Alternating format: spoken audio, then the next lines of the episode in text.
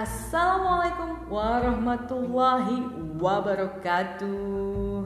Alhamdulillahirabbil alamin Assalatu wassalamu ala asrafil anbiya wal mursalin wa ala alihi washabihi ajmain. Masya Allah, Alhamdulillah nih teman-teman. Ini Senin lagi bertemu kembali bersama aku Mumu Rahadi. Seperti biasa dalam acara Ngehits Ngehitsnya Koma Sesi 2 edisi 11 Senin 15 Maret 2021 Alhamdulillah, Alhamdulillah ya teman-teman Jadi hari ini aku kembali dengan membawa sebuah tema baru Yang gak kalah ngehits dan gak kalah kerennya dari kemarin-kemarin Yaitu The International Women Days dan kesetaraan. Iya. Teman-teman, kalau kalian tahu nih, pada tanggal 8 Maret 2021 lalu itu trending banget di Twitter tentang The International Women Day atau Hari Perempuan Internasional. Jadi itu menggema The International Women Days juga um, setara dengan menggemanya kesetaraan gender, teman-teman. Jadi memang di Hari Perempuan Internasional itu biasa umumnya ya umumnya sejak dulu itu selalu disuarakan banget tentang kesetaraan kesetaraan gender yaitu apa? Kesetaraan e, perempuan dengan kaum laki-laki. Dalam bidang apa? Tunggu dulu. Kita harus tahu dulu sejarahnya nih. Kok ada penuntutan kesetaraan sih gitu kan? Kok ada hari perempuan internasional sih gitu kan? Ya 111 tahun lalu teman-teman, tepatnya 8 Maret 1909, itu pertama kali Hari Perempuan Internasional dideklarasikan. Bermula nih pada setahun sebelumnya yaitu 1908, gara-gara 15.000 perempuan turun ke jalan New York City. Yaitu mereka tuh mereka itu buru-buru ya teman-teman, menuntut apa? Menuntut jam kerja yang lebih pendek. Karena jam kerja zaman dulu tuh semena-mena deh nggak ngerti lagi deh namanya aja tuh. E, mereka tuh pokoknya bisa meraup untuk sebanyak-banyaknya dengan membayar sedikit sedikitnya makanya tuh kayak jam kerja tuh benar-benar semena-mena. Kemudian apalagi menuntut upah yang lebih baik. Ya harus kalian pahami sampai hari ini pun upah perempuan itu berbeda dengan laki-laki. Di tempat kerja seperti perusahaan atau eh, tempat-tempat uh, produksi itu ya banyak buruh itu perempuan tuh ya Allah memang banyak banget yang karyawannya perempuan. Kenapa? Karena bisa dibayar lebih murah dari laki-laki. Mereka nggak punya tunjangan tunjangan gitu loh teman-teman tuh kan. Sampai hari itu pun juga masih kayak gitu. Nah kemudian mereka juga menuntut hak untuk memilih. Jadi zaman itu di sana itu nggak boleh memilih. Jadi suara perempuan tuh nggak dipakai untuk pemilu dan sebagainya tuh. Nggak berlaku. Makanya mereka menuntut untuk bisa menyuarakan juga seperti itu. Nah itulah karena itu tahun 1909 itu akhirnya dideklarasikan oleh PBB sebagai Hari Perempuan Internasional. Supaya apa? Untuk apa sih sebenarnya? Untuk meredam aja sebenarnya supaya perempuan tuh nggak uh, merasa seolah-olah tuntutan mereka di, diperhatikan. nah tuntutan ini muncul biasanya tuh kalau udah membahas International Women's Day, Women Day ya pasti nggak jauh-jauh dari kesetaraan gender ini. Karena apa? Karena sampai hari ini pun kesetaraan itu belum ada gitu kan.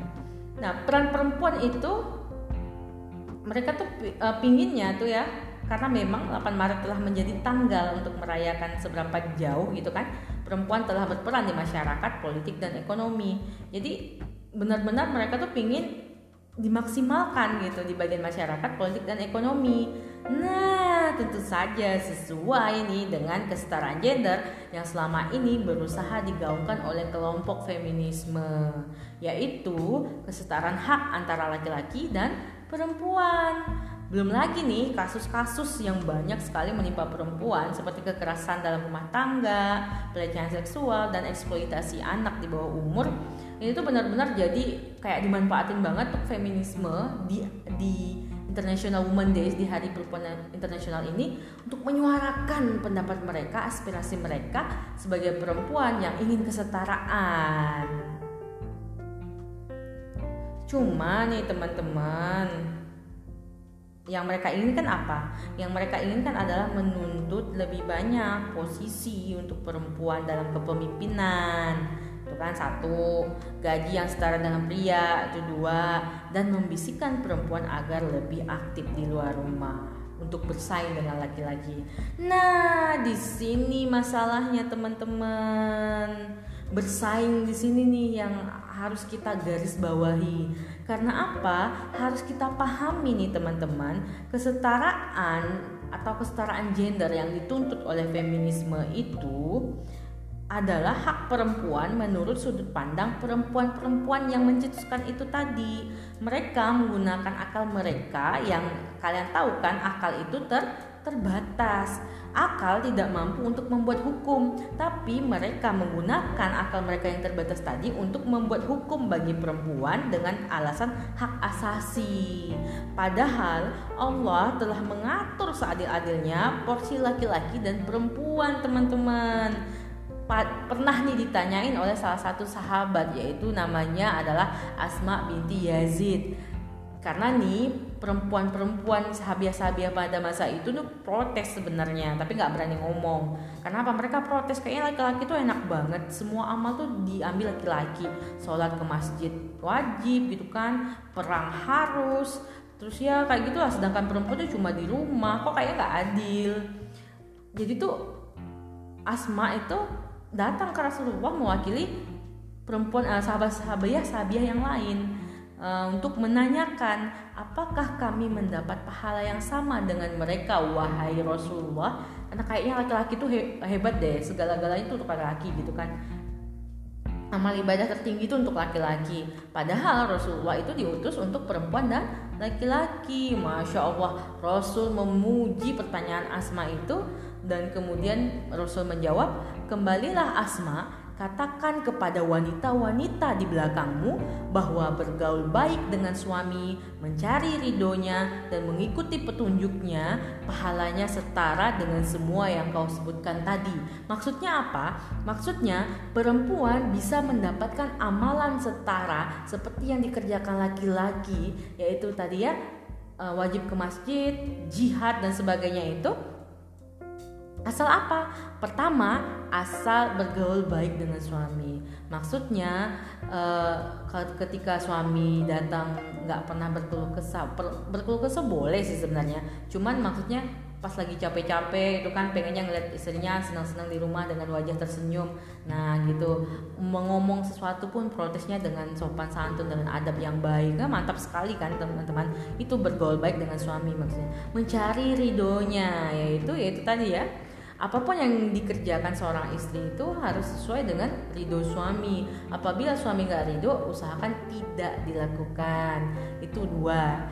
Dan ketiga mengikuti petunjuknya. Jadi um, ide suami um, petunjuk suami selama tidak men menyalahi syariat harus wajib di diikuti. Segampang itu teman-teman. Nggak perlu kita ikut berperang nggak perlu kita uh, wajib ke masjid juga. Nggak perlu lah kita yang kayak laki-laki tuh harus ke ke kubur gitu kan membawa jenazah menguburkannya gitu. Ya walaupun memang kayaknya tuh keren banget tapi kita tuh bisa mendapatkan pahala yang sama walaupun cuma di rumah. Dengan itu tadi bergaul baik dengan suami mencari ridhonya mengikuti petunjuknya dan apa ya? Menjaga hartanya juga. Maka kita perempuan itu bisa mendapat pahala setara dengan yang suami-suami lakukan. Maksudnya laki-laki itu lakukan. Ya waktu itu kan memang Asma protes nih kan. Masa nih perempuan cuma jadi penunggu rumah pelepas nafsu laki-laki mendidik anak dan menjaga harta benda suami gitu kan. Kan mau juga ya Rasul gitu kan punya um, amalan-amalan yang luar biasa seperti yang diperoleh oleh laki-laki nah maka itu dari ini Rasul bilang seperti ini apa tadi bergaul baik dengan suami, mencari ridhonya, dan mengikuti petunjuknya, maka pahalanya setara dengan apa yang dilakukan suami. Salah satu ridho ridhonya kita ketika suami mencari nafkah di luar, maka kita juga dapat pahala yang sama ketika kita kerja di rumah. Mantap luar biasa, masya Allah. Dan istimewanya kita, kita disebut nah, disebut-sebut bahwa di telapak kaki ibu itu ada surga gitu kan saking perempuan itu istimewa. Masya allah allah tuh udah mengatur seadil-adilnya. Allah tuh malah mengistimewakan kita. Masa kita protes sudah diistimewakan padahal allah tuh maha tahu maha adil. Akal kita nggak nyampe untuk itu. Dan harus kalian pahami juga nih gara-gara uh, kesetaraan gender yang diinginkan tadi akhirnya perempuan itu kan diinginkan feminisme tadi akhirnya perempuan itu kan banyak di luar. Akhirnya sehingga menimbulkan dampak-dampak negatif yaitu contohnya free child uh, child free marriage di mana perempuan-perempuan sekarang ini udah nggak mau ketika nikah itu punya anak. Pertama takut badannya rusak lah lalu pernah ya dibahas dulu ya. Uh, kedua itu mengganggu karir lah dan sebagainya. Nah itu kan udah menyalahi kodrat ya teman-teman Padahal dalam Islam memiliki anak banyak tuh masya Allah luar biasa, sangat dibangga banggakan oleh sahabat-sahabat dan Rasul juga menyarankan seperti itu luar biasa. Islam itu memang udah the best deh teman-teman, tapi kita nggak akan mungkin tahu Islam itu the best kalau nggak belajar kak. Karena itu kembali, ayo kita belajar Islam dengan kafah secara keseluruhan sehingga nggak cuma setengah-setengah kita pahamnya. Oke teman-teman, begitu sekian dulu hari ini. Assalamualaikum warahmatullahi wabarakatuh.